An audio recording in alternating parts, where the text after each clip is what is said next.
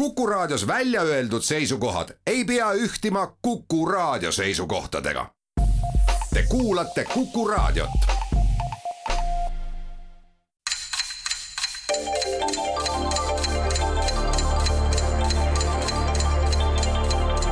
tarkade klubi targemaid küsijaid toetab lisateadmistega Postimehe raamatukirjastus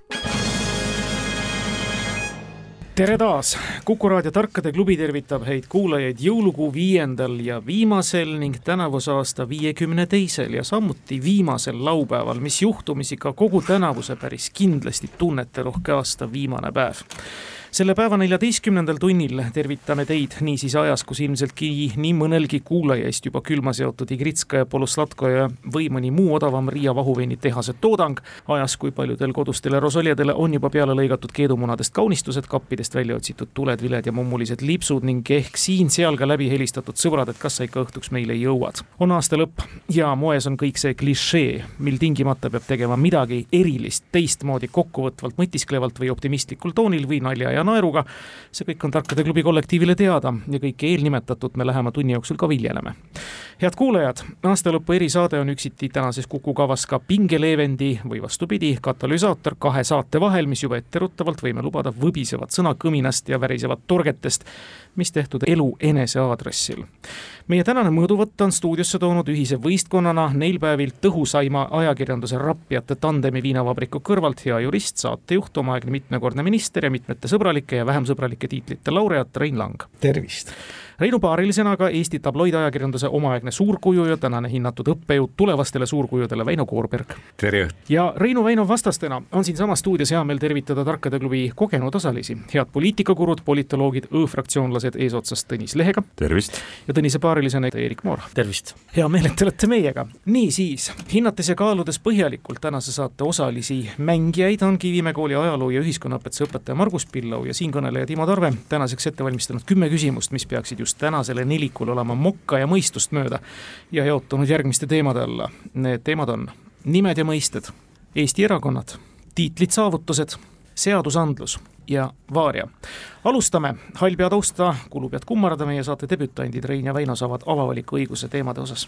no võtame erakonnad. jaa, mälestusväärsel kahekümnendal augustil aga siiski veel aastal tuhat üheksasada kaheksakümmend kaheksa, mis ka mälestusväärne, loodi Eesti Rahvusliku Sõltumatuse Partei, mis suuresti koondas rahvuslikult meelestatud omaaegseid dissidente ja mis üheksakümne viiendal aastal ühines rahvusliku koonderakonnaga Isamaa.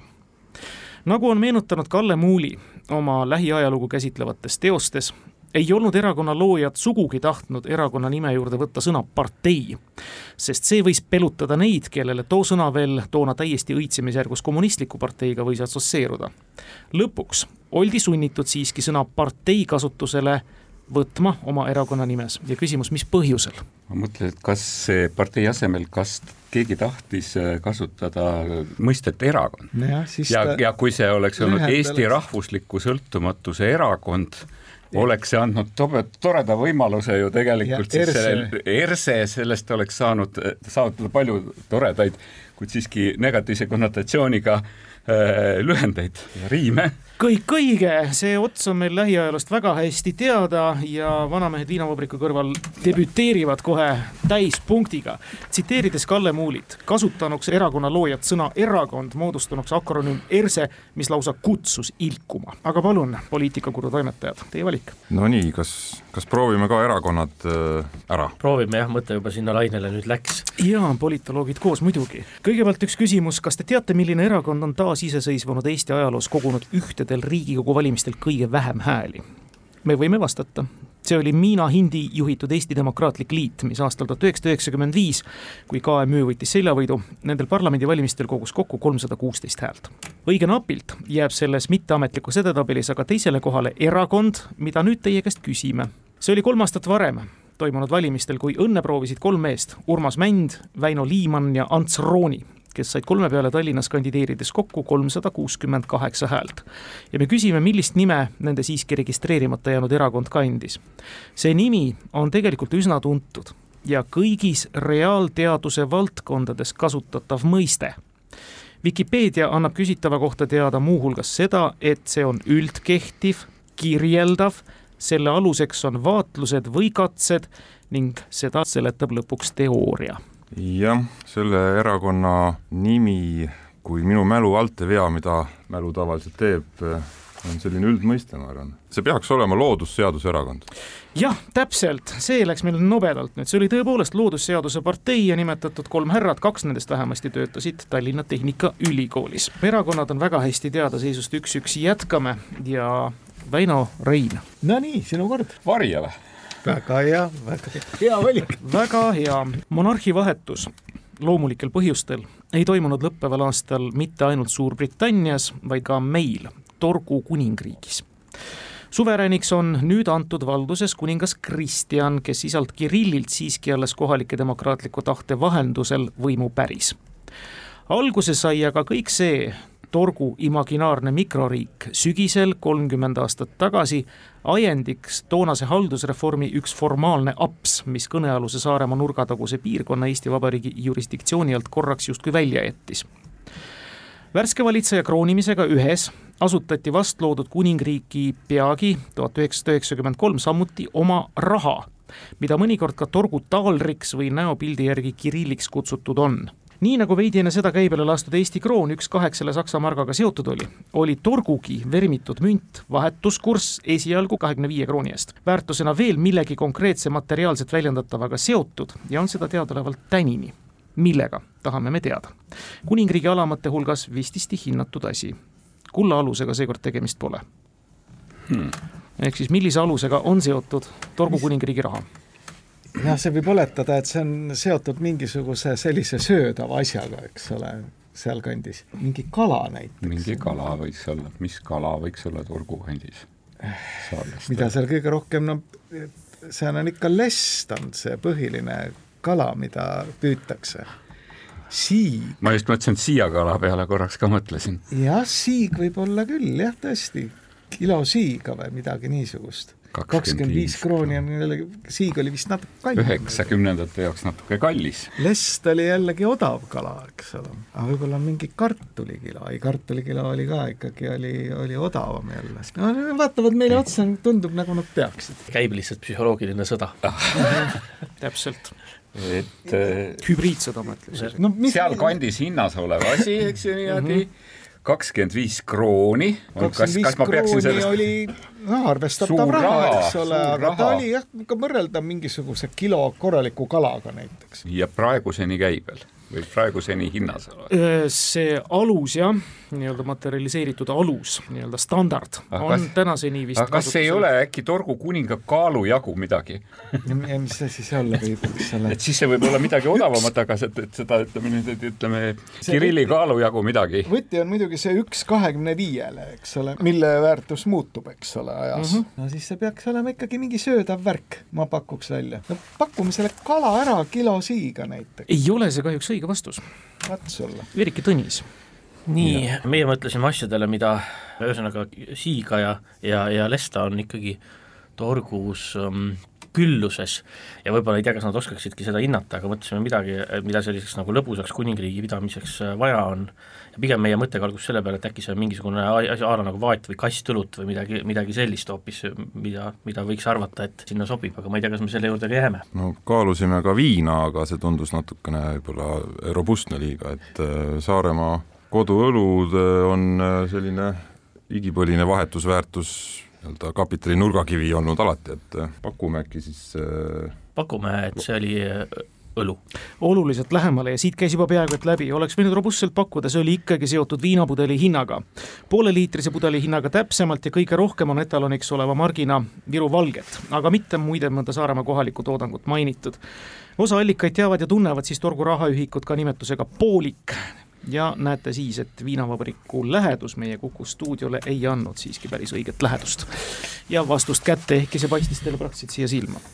aga Tõnis Eerik, teie kord valida teema. no valime siis näiteks äh, seadusloome. seadusandlus, hiljuti, kolmeteistkümnendal detsembril võttis Vene Riigiduuma juba esimesel lugemisel vastu ühe seaduseelnõu, millise sündmuse puhul tekkis järjekordselt kahtlus. Kas duuma nimetus on ikka tuletatud sõnast dumats, nii nagu see etümoloogia järgi olema peaks?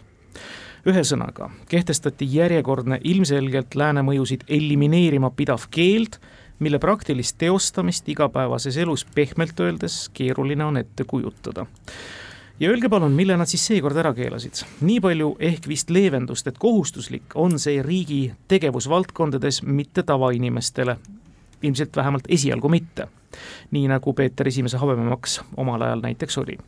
meil Eestis on aga küsitavale süstemaatilise tähelepanu pööramisel juba pikk traditsioon. välja on antud terve suur hulk raamatuid, pidevalt täiendatud ja parandatud trükkides, praegu ka veebiversioonis.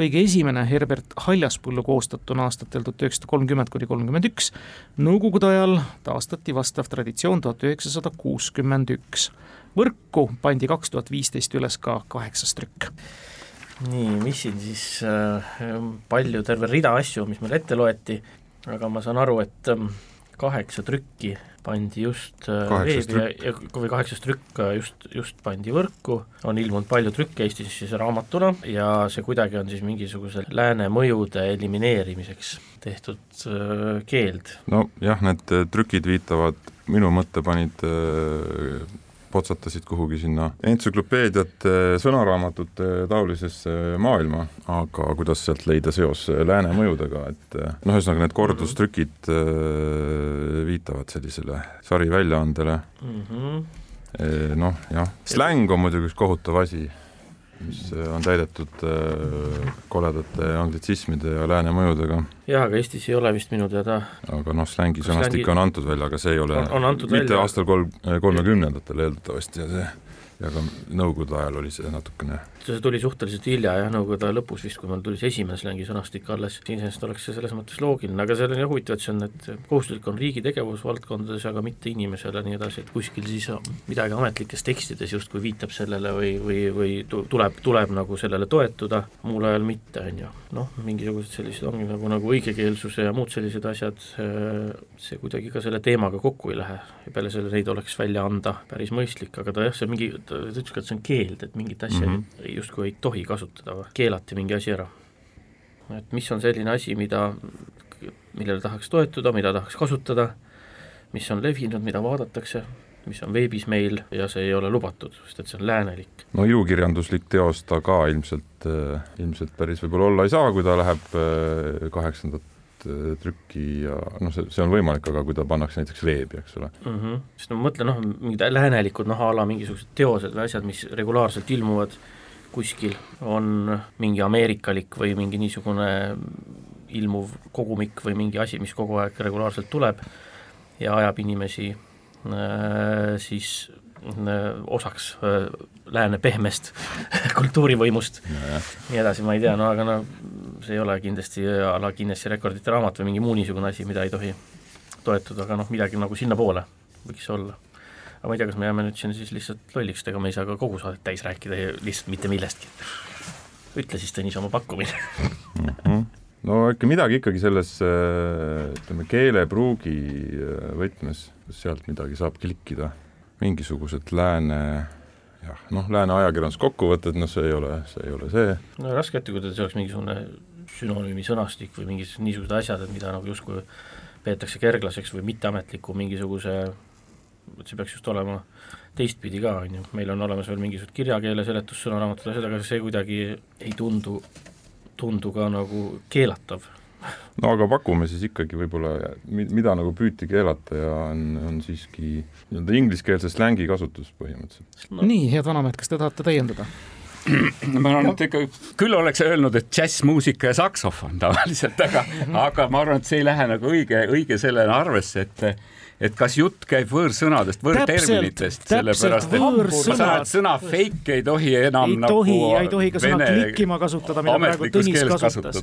võõrsõnad, no küll uitasite ümber pudru praegu, lusikad sisse pistmata, sõbrad, nii et äh, olukorrast ajakirjanduses saab siit punkti, läheb kaks-üks ette võõrsõnad ja vihjatud teos oli tõesti võõrsõnade leksikon.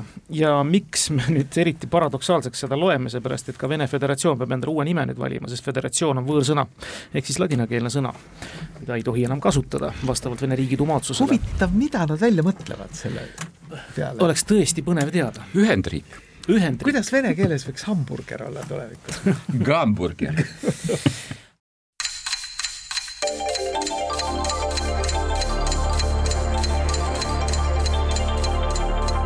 tarkade klubi.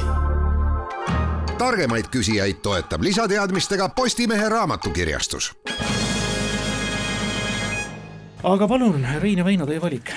no mis meil veel siin võtta on siis? kõike head ja paremat nimed või tiitlid? nimed, nimed ja tiitlid või mis? nimed ja mõisted. oh, sellest me ei tea midagi viie aasta eest oktoobris esines toona juba aastapäevad vabariigi presidendi ametit pidanud Kersti Kaljulaid intervjuus Luksemburgi Eesti laste ajalehele mõnikord.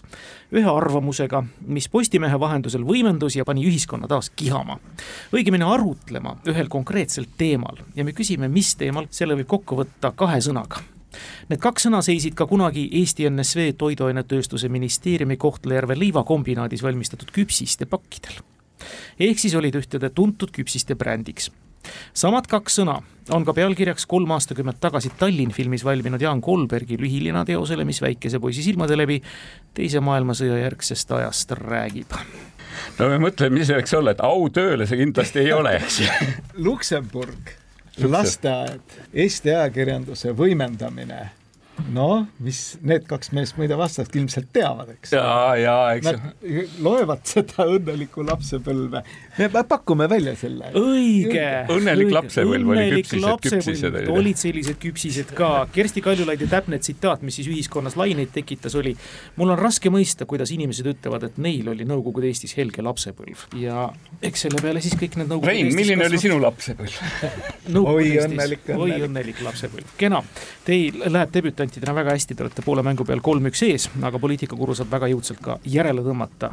kõigepealt üks õnnestunud teemavalik ja. no miks mitte nimed ja mõisted siis teine äärevalt jälle. Nomen est omen ehk nimi on enne Eesti rahvale ei jäänud märkamata, et see Vana-Rooma näitekirjanikult Plautuselt pärinevaks omistatud mõttetera täitus ligemale kolm nädalat tagasi Saaremaal kus vallavanema perekonnanimega Tuisk valdustes jõudis varatalvine tsüklon kogu elu korraks pea peale pöörata. meie ka küsime nüüd, mis on Hiiumaa vallavanema perekonnanimi? see kattub muuhulgas ühe tuhande kaheksasaja kaheksakümnendal aastal ilmunud, tollal viis kopikat maksnud raamatu pealkirjaga, ühtlasi selle peategelase hüüdnimega kui ennustusmärkide teema juurde veel kord naasta, siis küsitav sotsiaaldemokraadist esihiidlase perekonnanimi võiks muuhulgas näiteks ka vallavalitsuse finantstalituse või ka siis sotsiaalosakonna teatud funktsioonide seisukohalt tähenduslik olla. see nüüd on selline asi, et kui äh, me vastust kuuleme, siis ma ütlen, et jaa, jaa, ma teadsin et ma olen, igal juhul oleme seda kuulnud. tuhat kaheksasada kaheksakümmend raamat. küsisime vallavanemat, eks ole. jah, tema perekonnanimi. volikogu juhti või midagi taolist volikogu juhtud, juhti teame me kõik või see isegi, isegi mõningate osavaldade juhte osavaldade juhte teame me isegi rohkem. endise vallavanemaid äh, isegi ka seal mõnesid teame, aga vot, kes praegu on, on kahtlemata küsimus. ma ei tea, kas meid vihjed aitavad, Iskopikat maksnud raamat ja nimi sama. maksnud raamat. kallis raamat oli siis kaheksa tuhat kaheksasada kaheksakümmend. millega siis finantstalitus tegeleb meil siis, rahadega eelarvega, eelarvega., järelevalvega, revideerimisega, samas ka sotsosakond tegeleb erinevate asjadega, abistab, toetab mm. -hmm hooldab. tõsi on, et pärast haldusterritoriaalset reformi on nagu piinlik politoloogina, et me ei tea kõik kohe nii-öelda nipsust kõiki omavalitsuste juhte, sest neid on ju jäänud järele napp seitsekümmend, jah, just nimelt üheksa. peaks olema meeldejäetav küll. jah, no sots, ühesõnaga varem oli noh, ta muidugi volikogu juht oli ja oli, oli siis Habemik Reformierakonnast, jõudis võib-olla ka vallavanem olla. tema jätame kõrvale, ühesõnaga, seda ma tahtsin öelda. praegu Riigikogu liige Reili Rand oli, oli, oli seal eel, üks eelnevaid. aga nüüd, ma ei tea, kuidas seda saab nagu välja mõelda, kuidagi me peame ilmselt ikkagi nende vihjete järgi tulema, kui see, kui ei tea, siis ei tea, aga, aga oluline võib-olla on ka see, et on see kategooria äkki nimed ja mõist kuidagi ta pidi vihjama, kas see oli kuidagi seotud, kas ma sain õigesti või mäletan õigesti, et nagu Tuisu nimi sai Saaremaal nüüd tähenduslikuks kuidagi, et see nimi ka kuidagi on nagu tähenduslik, selles sobib nagu selle Hiiu valla või selle asja konteksti, midagi Saarega. pisut ikka. midagi Saarega seotud või Saar oleks statistiliselt see, äh, meil on baaspakkumine on olemas, eks ole. aga natukene liiga lihtne jälle võib-olla. aga siiski üks tugev vihje oli nüüd finants, finants ja sotsiaalosakond. pere, aa, et okei okay,, et see perekonnanimi tähenduse poolest võiks sinna sobida, jah, finantstalituse või sotsiaalosakonna teatud funktsioonide seisukohalt võiks olla siis tähenduslik. finantsjuht, kontrolöör, proovida nii-öelda saada tähendusi. mõtet äh, kõlksuma. puudujääk kohustus. no raamatupidaja on, ütleme, nendes äh, osakondades oluline vana raamat, millel on mingisugune hüüdnimi. ja kas seal oli ka peategelase? see on jah, raamatu peategelase hüüdnimi, mis on ühtlasi ka siis raamatu pealkiri. ja seda me muidugi ei tea, kas raamat ilmus Eest-, oli Eesti algupära või seda vist küsimuses ei olnud? ei olnud, aga ma võin teid aidata, oli küll Eesti algupära. ahah, vanu häid äh,, häid raamatuid, kus on hüüdnimed, ma ei tea, Kolumets.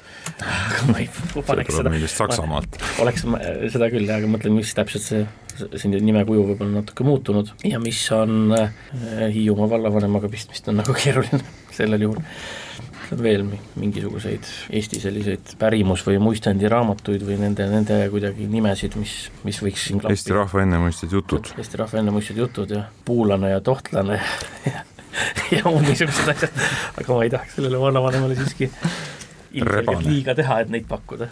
kaval rebane, äkki on rebane, ma ei tea, miks see finantsteemadega ja sotsiaalosakonnaga. küll oli, oli rebasega oli küll probleem, kus keegi teda haamriga läks nottima, see oli mitte väga ammu kuskil mingisuguses kindlasti on ka Hiiumaal karudega probleeme olnud. koledal kombel, jah. aga no midagi tuleb pakkuda kus nagu läheks eelarve, finantstalituse mingisugune nagu tegevus või asi ja mingisugune niisugune nagu raamatu kangelase hüüdnimi võimalikult kokku, see peab olema mingisugune mõistlik asi noh, no mis see seos Hiiumaaga on, kui me ei, aga spurdi. ma tegelikult ei olegi, on ebaselge, kas see on seal seos Hiiumaaga või seos selle finants pigem ikka seos selle finantsiga. finantsiga mm, -hmm. Hiiumaaga ei peagi olema, et see oli ei, Hiiumaaga noh, jah, oli pigem, pigem eksitav uh. Mhm. Rikkur, kröösus, noh, ütleme mingi raha, rahapõhine. jah, seda ma mõtlesin samamoodi, lasin neid läbi enda peast, et kas, kas mõni neist võiks kuidagi heliseda kui, kui omavalitsusjuhi nimega, aga, aga ta ei helisenud ükski.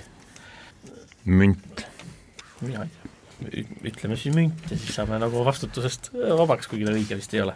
jaa, tõepoolest ei ole münt õige, nii et Väino ja Rein on muidugi muhelenud siin mõnda aega. kas meil vihjeid võiks saada aga see, täpsusta veel korra, kas see oli aasta, millal see raamat ilmus, oli mhm. tuhat kaheksasada kaheksakümmend? just ühesõnaga viis kopikat, tuhat kaheksasada kaheksakümmend oli enneolematult suur, suur raha, raha., selles sai vähemalt kortli viina. nii et see, kes jaksas nii kallist raamatut osta tol ajal, see pidi olema mingi lööv pealkiri see, see, selleks, et üldse see mina mõtlesin, mina mõtlesin toetuste ja, ütlesin sotsiaal, sotsiaalabi ja finantsabi peale ja siis ma mõtlesin, et see kindlasti peab olema, et avameelsest abielust see ei saa olla tuhat kaheksasada kaheksakümmend, eks ju, aga et kuigi nagu oleks, et siis saaks abi tuleks, eks ju niimoodi, abi, palk, kassa, maks. inimese nimi peab olema, noh, abi on tegelikult ka perekonnanimena arvestatav, ma ma ei tea, paks kallis on ka veel, Ain Kallis näiteks kallis, et sotsiaal, sotsiaalabi on kallis, eks ju. vaene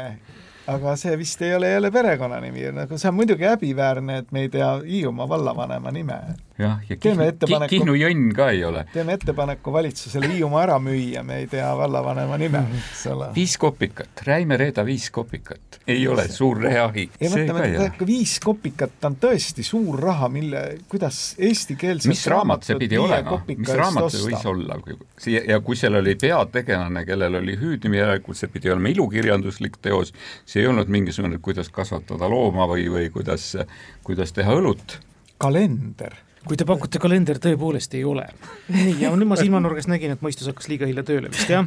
tasuja pakuks muidugi tasuja, Hergo tasuja on Hiiumaa vallavanem, raamat tasuja viidatud siis tõesti Eduard Vormele tähtteosele ja finantsasutuse tähenduse seisukohalt on ka tõesti jah. tõepoolest. see oli piinlik ega midagi, läheme edasi, kuus küsimust on selja taga, Väino Reinde valit.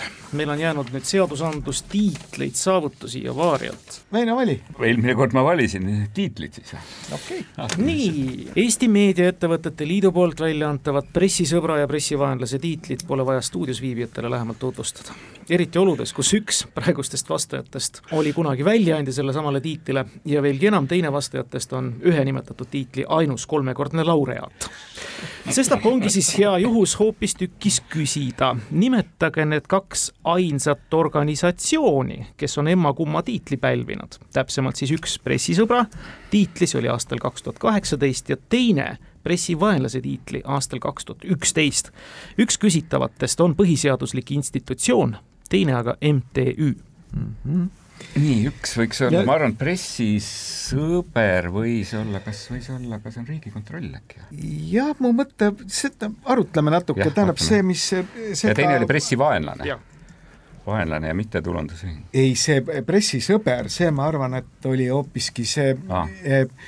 mittetulundusühing Maksumaksjate Liit, mida esindas Lasse Lehis. Ja nüüd, kes see vaenlane võis olla? ükskord küll ma tean, et oli Riigikontroll, Riigikontrolliga oli, aga kas ta oli nüüd sõber või vaenlane, eks ju, selles mõttes on mul keeruline, sest ma mäletan, see oli see aeg, kui Riigikontrolli aastaraamatuid peeti väga niisuguseks nagu oluliseks algmaterjaliks ajakirjanduslikus töö edastamiseks, hinnanguteks ja kõigeks muuks. et see oli nagu üks selliseid variante, aga mitte tulundus. selle vaenlase tiitli puhul peaks äkki mõtlema, et kes ei andnud informatsiooni, mida ajakirjandus kangesti üritas kätte saada. ja siin ma pakuks pigem mingit finantsinstitutsiooni, kas siis Rahandusministeeriumi või Maksuametit. ja kas need ei olnud ikka ühel aastal ka, et ühel pool oli siis äh, maksuamet, kellel oli mingist tohutuid probleeme eh, täpsete maksueeskirjade sõnastamisega, teisel pool Lasse Lehise juhitud Maksumaksjate Liit aga vot ei ole kumbki õige no. võib-olla mingid muud tiitlid, mida ajakirjandus ka välja annab või mõni meediaettevõte või mõni üksik. aga teil on nüüd selle võrra lihtsam, Eerik ja Tõnis, või raskem, ma ei tea. kaks nii olulist institutsiooni sai välistatud, üks on siis põhiseaduslik institutsioon ja teine MTÜ jaa, sellega on niimoodi, et, et see on nüüd isegi, on taas nüüd piinlik lugu, et eks elu ma, koosneb ma, piinlikest jadadest ühest teise. ma, ma lihtsalt ise arvan, et kahe tuhande kaheksateistkümnendal aastal olen ma ise olnud selle valimise juures. Ja see ei tähenda, et, et ma kohe oskaksin kaks tuhat kaheksateist siis pressisõber ja kaks tuhat üksteist kaks tuhat üksteist äh, küll mitte jah, et seal oli, olid need, kes olid, aga, aga ma ise noh, põhiseaduslik institutsioon esiteks meil üldse on ainult piiratud arv ja seetõttu nende nime nagu siin läbi lasta äh, on Riigikogu no, no Riigikogu äh, pean väga ebatõenäoliseks, et president äh, vaata, presidendiga on nüüd see, et kas, ma mõtlesin korra, et kas see oleks isik ma arvan, et see on pres-, Ilves siis ei, kaks tuhat kaheksateist oli meil Kersti Kaljulaid. pressivaenlasest. no me räägime organisatsioonidest, mitte üksikisikutest. just, et, et ta, ta ei läheks selles mõttes mm -hmm. sellesse arvesse äh, Äh, ähm, siin jah, meil on, on Riigikontroll, õiguskantsler, äh, Riigikohus tegelikult on ka kohtud, on Koht, kohtud laiemalt, aga, aga, aga, aga ma ei kujuta prokuratuur ei ole muidugi sellise, sellisel määral seal kirjas. ma ütlen no, ausalt, ei mäleta praegu, et see oleks niimoodi olnud, aga ma lihtsalt, ütlen, et ma võib-olla kõigist neist, kui nii on öeldud, et, et põhiseadusliku institutsiooni juurde, siis ma pigem ütleks, et, et, et võib-olla Ülle Madise on saanud, kuivõrd ta on tõesti olnud avatud suhtleja ja, ja vastaja ja, ja, ja ja hea kommenteerija, aga mul kindlus küll selles osas ausalt öeldes praegu puutub, puudub.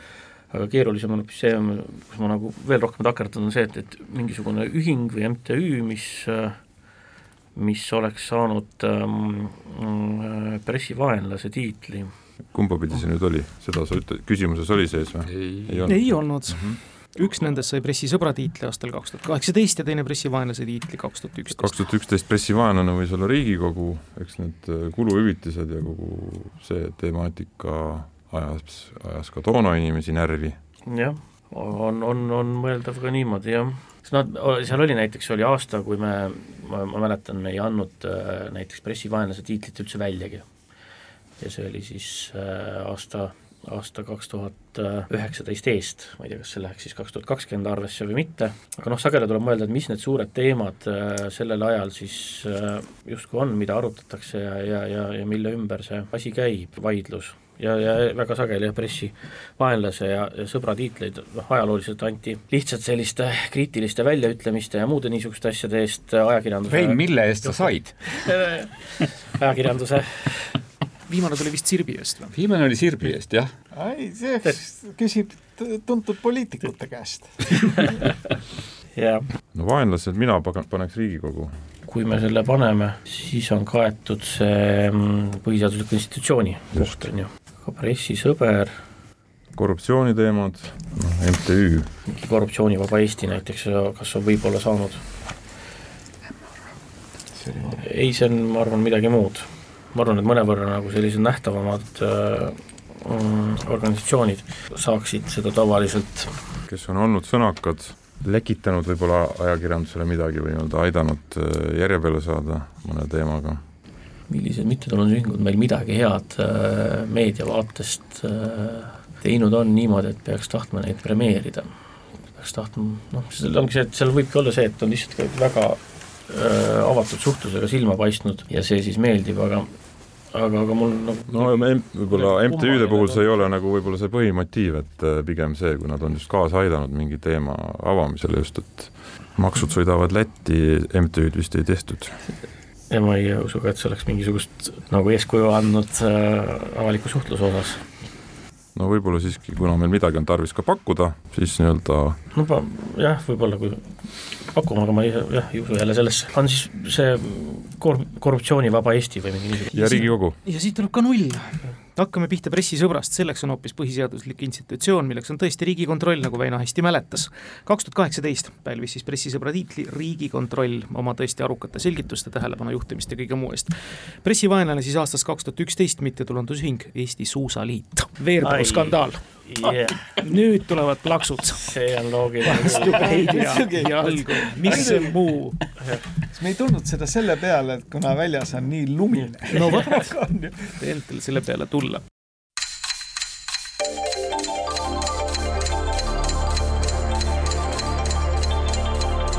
tarkade klubi targemaid küsijaid toetab lisateadmistega Postimehe raamatukirjastus aga palun, Tõnis ja Eerik, teie valik nüüd. meil on jäänud siis Vaariat, seadusandlust ja ikka veel tiitlit, saavutusi. Vaaria. täna kolmkümmend aastat tagasi, kolmekümne esimesel detsembril tuhat üheksasada üheksakümmend kaks leidis aset üks lahutus, millest kogu maailmas räägiti ja kvaliteetmeedias isegi põhjalikumalt kui kollases.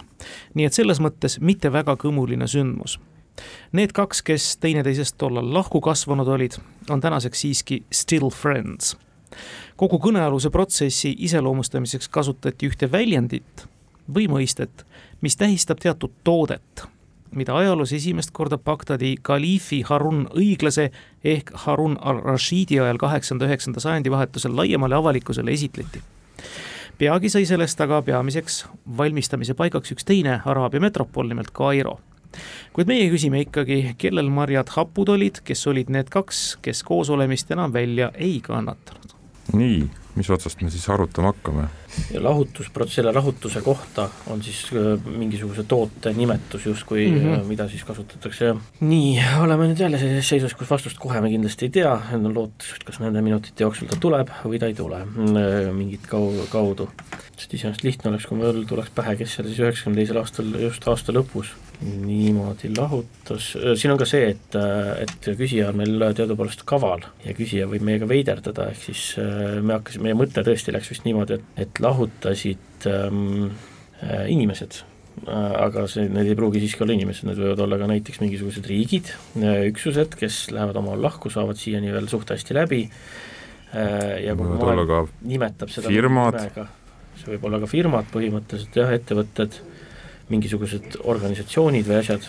Ja, ja see kolmkümmend üks, kaksteist äh, ja, ja nii edasi, see nagu tavaliselt viitab sellele, et mingi asi nagu lepinguliselt kuidagi tehakse, eraisikud tavaliselt ei abi, ei, ei no ühesõnaga jah, no kui riikide lahutamisest sõbralikult rääkida, siis noh, see aeg muidugi oli, kus neid äh, piire ümber äh, tõmmati, aga terve hunnik lahutusi käisid muidugi veriselt, aga, aga noh, Tšehhoslovakkia ja. oli see, mis läks lahku sõbralikult äh, tollel ajal. tuli ära, see on Tšehhoslovakkia Samet lahutus, Samet on see toode, millele Aa, me viitasime ja Velvet, inglisepäraselt siis Velvet lahutus, esimesest jaanuarist tuhat üheksasada üheksakümmend kolm on maailmakaardil eraldi Tšehhi Vabariik ja Slovakkia Vabariik, tuhat üheksasada kaheksakümmend üheksa toimunud Samet revolutsiooni loomine. seda ma algusest peale mõtlesin jaa, aga ma mõtlesin, mul ei tulnud see, ma ei teadnud, mis see sõna on lihtsalt kõik õige. teine punkt teile ja tõmbate ennast järele kaks-kolm, kaks küsimust enne lõppu ajate ka seisu pinevaks, nii et Väino Rein, teie valik. no võtame seadusandluse vastu siis meie. ja tsiteerime taas vanu ajalehti. täpselt kakskümmend aastat tagasi ilmunud ajaleht Postimees tõdes oma aasta viimases numbris, et kahjuks jääb toona tööd lõpetaval üheksandal Riigikogul vastu võtmata ja langeb seega siis menetlusest välja umbes kakssada seaduseelnõud sealhulgas ka toonaseks hetkeks kolm aastat menetluses olnud seaduseelnõu, mille algataja, akadeemikust majandusteadlane Uno Mereste nägi selle taga tahtlikku sabotaaži ta ütles artikli autorile Toomas Matsonile järgmist. teatud õigusbürokraatidel on oma stiil seadusi teha. Nad võitlevad selle eest, et seadustes ei nimetataks seda, mille kohta seadus käib. see on nende kinnisidee, sarjas ta ja nimetas peamise saboteerijana muide toonast justiitsministrit ja erakonnakaaslast Märt Raski. millisest seaduseelnõust käib jutt? teema, millele osutas Mereste juba siis ja tema eelnõu on akuutne tänini ja sellele nüüd on juba tähelepanu juhtinud nii Vabariigi President, õiguskantsler kui Riigikontroll korduvalt. mida aga pole, on seadus kas me oleme selle viktoriini käigus sellel teemale juba nagu tähelepanu pööranud võib-olla? mul on nagu see tunne, et, et kui me räägime Uno Merestest, siis tema tegelikult äh, kogu aeg jutustas seda, et seadust, tavaline inimene peaks seadusest aru saama, tavaline inimene peaks mõistma seda seaduskeel, seadused peaksid olema kirjutatud inimkeeles ja inimestele arusaadavalt, midagi niisugust. kas see võis olla see, see, see sest et, sest et kui me nüüd tagantjärele räägime, et ka õiguskantsler tegelikult ainult sellest räägib, et ka presidendid on sellest rääkinud, et sellest, et, et see oleks kuidagi arusaadav, aga kas see peaks olema kuidagi täpsemini formuleeritud. no Uno Merestel oli kana kitkuda muide ka kohustisõiguse üle, et äh, tegelikult oli võlaõigusseadus see, mille peale käis tohutu kaklus Justiitsministeeriumi ja Uno Mereste vahel. ja aga ma arvan ka, et Väino mõttekäik on siin täpne, et see on see mm, äh, seaduste arusaadavuse või mõistmise seadus, mis õige. kukkus välja, jah. õige, ja seda seadust pole meil tänini väljas, Uno Mereste ja tema seadustest arusaamise seadus. neljas neljas punkt teile ja mängu jääb lõpetama nüüd tiitlite saavutuste küsimus, mida saab esimesena kuulda siis poliitikakuru. kahe tuhande üheksanda aasta omavalitsuste valimiste järel avaldas Priit Pullerits meedias artikli ühest isikust pealkirja laiendiga kolm punkti, valimiste tundmatu suurüllataja. tema loo kangelaseks olnud isik, praegu neljakümne kolme aastane kõrgharidusega jurist on nüüdseks kaks ja pool aastat olnud ka Kasahstani Vabariigi aukonsuli ametis Eestis. kes? neljakümne kolme aastane Kasahstan. täna neljakümne kolme aastane. täna neljakümne kolme aastane. kolmekümne ringis. ja jurist või? hariduselt jurist. kaks tuhat üheksa kohalikud valimised. siis ma ütleksin, et Igor Gräzin selleks, et äh, jah, kuidagi ilmselt natuke natuke võib-olla suurem omavalitsus kui, kui mõni väga väike, väike vald, kus ta nagu esil oli? ma ise arvan kindlasti ka, mul, ma arvan, et on ikkagi Tallinnaga seotud mm, peamiselt, ma usun, nendel valimistel. Ja suur üllataja jah, kui vana meil on täpselt nüüd see Mihhail Kõlvart, kellel on ju Kasahstaniga lausa seos selline, et ta võiks, võiks meil olla teoreetiliselt salaja Kasahstani aukonsul ka meie avalikkuselt teadmata, et, et ja, ja kas, kas kahe tuhande üheksandal aastal tegi ta mingisuguse ootamatu või ägeda tulemuse. ajakirjanduslikult huvitav oli ta igal juhul oma varasema tausta ja, ja kõige muu sellise tõttu ja siis ta on, aga tema tähelend jah, algas nagu pigem sellest, et ta sai suht ootamatult ja kiiresti abilinnapeaks, on ju, aga noh, siis ta no, võiski. valimistelt äh, võis ta läbi käia, et ja noh, eks Pullerits võis noppida välja sealt ka kedagi, kes noh, oligi, ei paistnud muidu meedias väga välja, et aga, aga tegi sellise siiski millegi poolest erilise tulemuse. vanuse mõttes läheb äh, üsna lähedale, jah. jah, sest et mis me tegelikult teame inimese kohta, et ta umbes sellel ajal valimistelt tuli ja üllatas kedagi kuidagi ja seda, et ta on nüüd siis umbes vanust neljakümne kolme aastane ja et ta on muuhulgas ka siis Kasahstani aukonsul Eestis aga.... no tal on küll Korea juured, aga, aga noh, see ei ole nagu küll, nii määrav, et ta, sest aga, otseselt aga, Koreaga seotud ei ole. aga sündinud on ta Kasahstanis, aga küsimus on, küsimus on, no pakume Kõlvart, jah? ei ole Kõlvart te lõpetate täna tubli kahe punkti peal.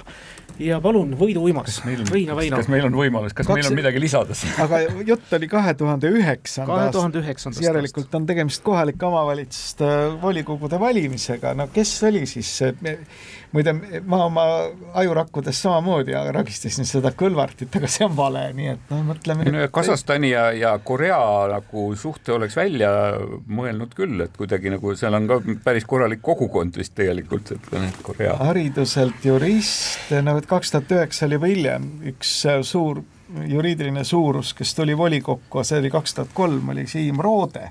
aga kes tuli kaks tuhat üheksa Tallinna volikokku? Suure kolina ja mürinaga. hariduselt jurist, mis tähendab seda, et ei pruugi töötada. ütleme, kes olid, kes tegid kaks tuhat üheksa ja peaks ikka nagu otsima sealt Keskerakonna ridadest võib-olla. Kovalenko tuli hiljem ja ta ei ole neljakümne kolme aastane. Jüri Ratast ei peeta silmas, ta oli juba ammu ta juba oskas tantsida varemgi. Ratasel ei ole jah Kasahstaniga vist nagu mingit pistmist, aga kes seal veel olid? mõtleme nagu juristid, on ühtlasi ka mingid ettevõtjad, Kasahstan otsib oma aukonsuleid ikkagi rohkem nagu ettevõtluse ridadest.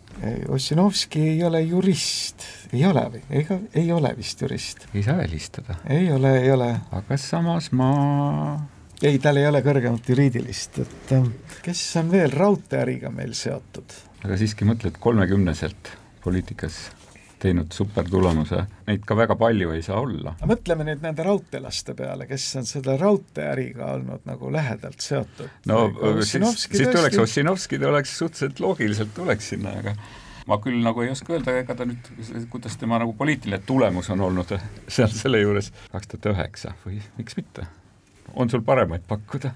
No mõtleme veel, käime korraks läbi seda volikogu, kes kaks tuhat üheksa nagu tekkis Tallinnasse. noor mees, ja Ossinovski on muidugi rea-, nagu Kõlvart. kui Kõlvart ei ole, siis, siis no pakume ära. pakume ära. pakume ära. ei ole ka Jevgeni Ossinovski, kui uskuda nüüd Eesti poliitsaurusi, siis see, keda me küsime, selliseid valmistatakse kolmveerand aastaga. Deniss Boroditš on siis see küsitav. okei okay,, järelikult see oli kaks tuhat kaheksa oli hakatud tootma ja kaks tuhat üheksa sai valmis. kaks üheksa sai valmis kuus tuhat ja natuke peale hääle. nii Keskerakonda kui Reformierakonda kuulunud poliitik ja ametnik kogus toona siis Tallinnas Edgar Savisaari ja Jüri Ratase järel kolmanda häältesaagi kuus tuhat kuussada nelikümmend mhm. Kasahstani aukonsulaat paikneb muide Paldiskis, sellele Kesk-Aasia suurriigile olulise transiidi- ja logistikaahela ühes senises tähenduslikus punktis ja Boroditš, eriti veel kahe koosseisu Riigikogu liikmena meie kaugete partneritega selles valdkonnas, koostööd aktiivselt arendaski ja tal oli ka palju õnne, oleks lasknud kapo ühe teatud laadi kuriteo lõpuni viia, siis istuks Boroditš praegu vangis. jah, tead kaks tuhat üheksa tulid kohalikel valimistel ja hiljem tulid Riigikogu valimistel, tulid sisse ju mõlemad, nii Boroditš kui ka Sõtnik. mõlemad tulid Keskerakonna ridades, eks ole, ja, ja, ja see, see Olga oli muidugi väga nutikas naine, on nüüd täitsa eemale jäänud, kasvatab lapsi kodus no aeg-ajalt ta esineb meil siin Pavel Ivanovi saates ka. aga nüüd, meie saade näeb ette, ka vana aasta viimane, seda, et täna kuuldud küsimustest te saate äkki oma lemmiku välja valida. või parima küsimuse teie hinnangul kas me ikka, ma ei tea, minu meelest me ikka kõige rohkem jäime häbisse ikkagi Hiiumaa puhul või kuidas teil tundub viiekopikalise raamatuga. viiekopikalise raamatuga jäime me ikka nagu kõige piinlikumad häbisse. lohutuseks siis jah, lume käes vaevlevatele, vaevelnud saartele siis Hiiumaa küsimus. Hiiumaa küsimus, kus me küsisime tõepoolest Hiiumaa vallavanemat, kel tuisuga pole midagi pistmist küll, aga võiks ta siis finantstalituse koha pealt tähenduslik olla. aitäh teile, Eerik Tõnis, aitäh teile, Väino Rein, tänases saates osalemast, ilusat aasta lõppu teile ja veel paremat uut! Hoolega hoitud auhinnad toob kohale Smartpost Itella. lõpetame saate nagu ikka kuulajamänguga. jõululaupäeval lõpetas saate küsimus, kus tahtsime teada, millise maailma iseseisva riigi lipult võib leida Mokorotlo.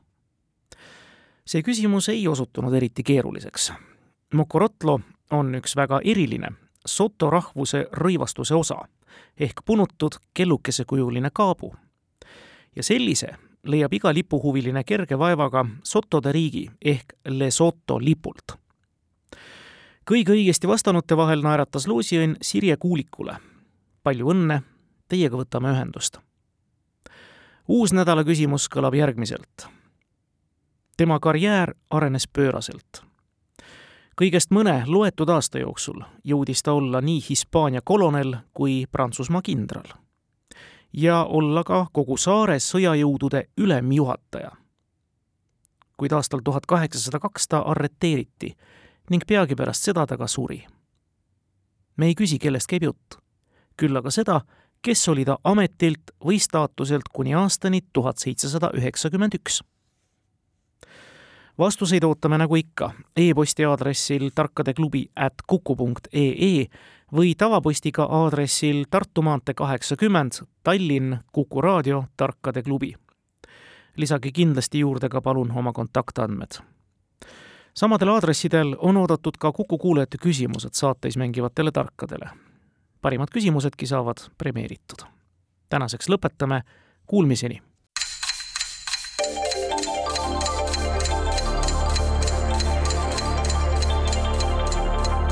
tarkade klubi. targemaid küsijaid toetab lisateadmistega Postimehe raamatukirjastus